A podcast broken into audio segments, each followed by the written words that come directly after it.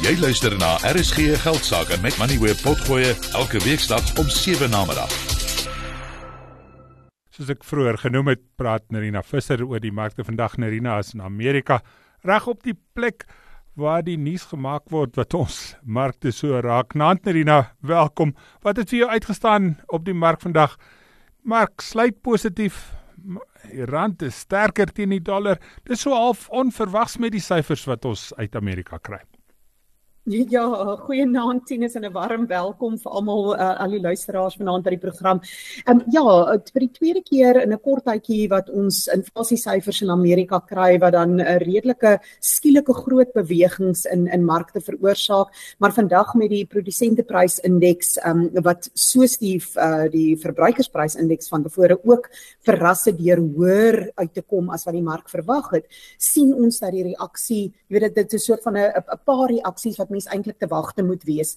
Die ene is onmiddellik dat die dollar versterk want wat beteken as inflasie te hoog is beteken dit die die Federale Reservebank gaan die rentekoerse so gou kan kan afbring soos wat die mark dalk graag wil hê dit moet afkom nie. So jy sien dat die dollar versterk, jy sien dat die aandelebeurs verswak en jy sien dat uh, dinge soos byvoorbeeld die goudprys ook daal.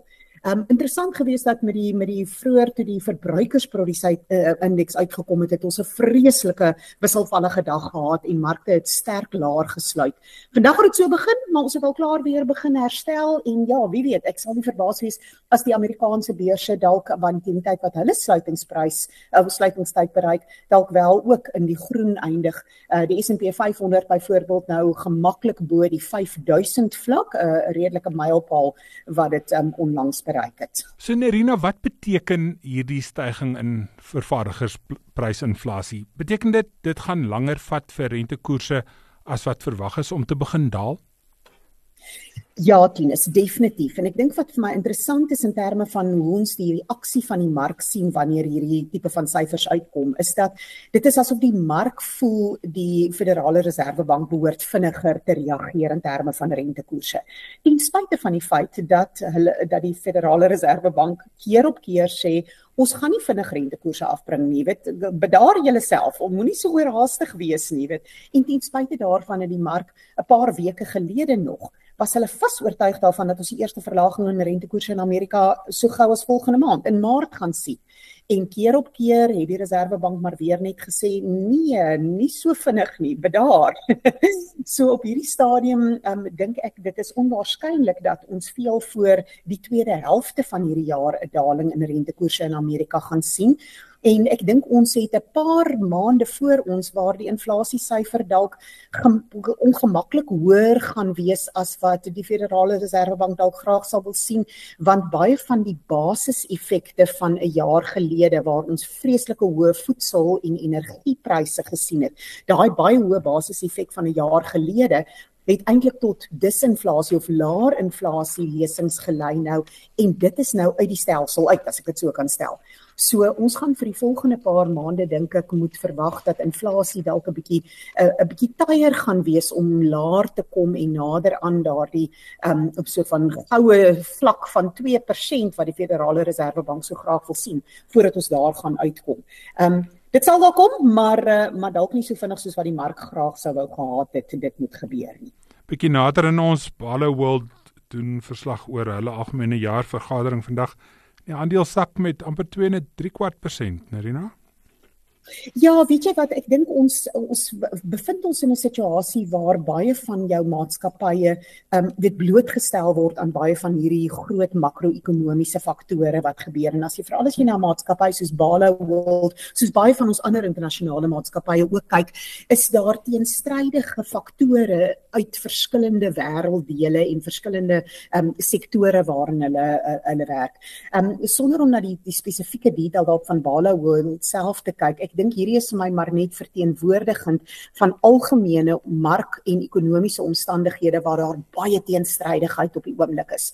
En so hierdie wisselvalligheid wat ons sien in in aandelepryse en in maatskappyresultate ook dink ek praat eintlik tot daardie ding dat daar dikwels is daar beide goeie en slegte nuus in hierdie tipe van maatskappyresultate en dan is dit maar 'n geval van waarop fokus die mark En hoe lyk hierdie resultate wat bekend gemaak word in vergelyking met wat die mark verwag het aangekondig gaan word? En dis hoekom ons partykeer sien dat daar daar mag dalk resultate wees wat op die op die oog af baie goed lyk, maar die mark dalk beter as dit verwag en dan kry ons 'n teleurstelling in die aandeleprys op die dag amper baie soortgelyk is British American Tobacco wat vandag se aankondiging eers hulle aandeleprys skerp opdruk druk maar hy eindig ook maar in die rooi laat vanmiddag.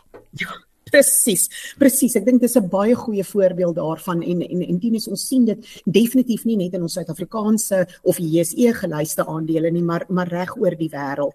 En ek dink dit is dikwels um, in die in die maatskappy kommentaar, in die kommentaar van bestuur wat sê ook nie net wat het hulle ervaar in die in die periode wat verby is waaroor hulle rapporteer nie maar amper meer belangrik wat is hulle vooruitsigte vir die vir die toekoms?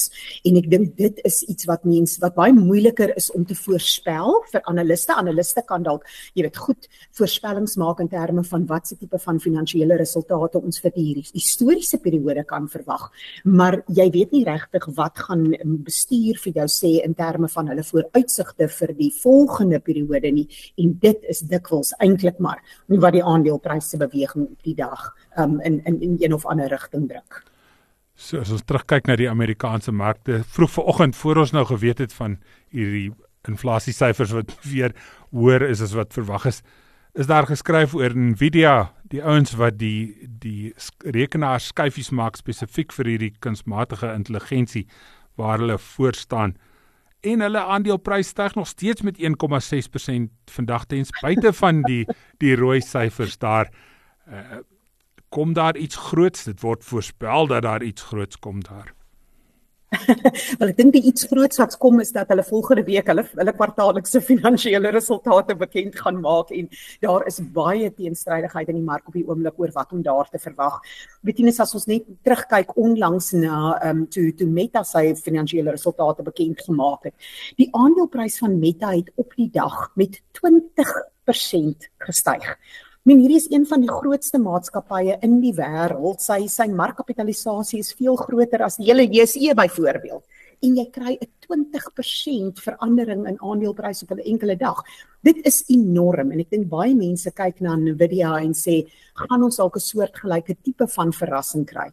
Maar ons het ook onlangs gesien dat jy ook 'n negatiewe verrassing kan kry En so daar is baie as jy kyk byvoorbeeld na die opsies rondom Nvidia en waar die verhandeling op die oomblik plaasvind, is daar omtrent eweveel ehm um, markanaliste wat verwag dat Nvidia dalk 'n baie positiewe reaksie kan hê volgende week Woensdag wanneer hulle resultate bekend gemaak word, as wat daar is wat dink dit kan dalk 'n negatiewe reaksie wees.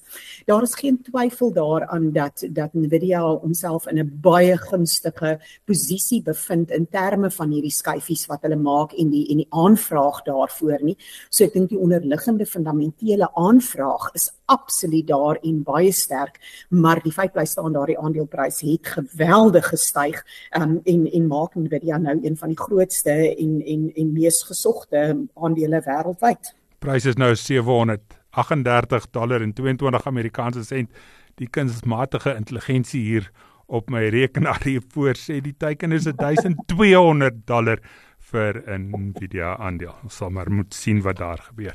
Dankie Nerina. Nerina bly aanlyn om te reageer op van die insette net hierna en te help om die luisteraars vrae te help antwoord in die tweede helfte van die program. Jy het geluister na RSG Geldsaake met Money where potgoe elke weeksdag om 7 na middag. Vir meer Money where potgoe, besoek moneyweb.co.za of laai die toepassing af en volg Moneyweb News om dagliks op hoogte te bly.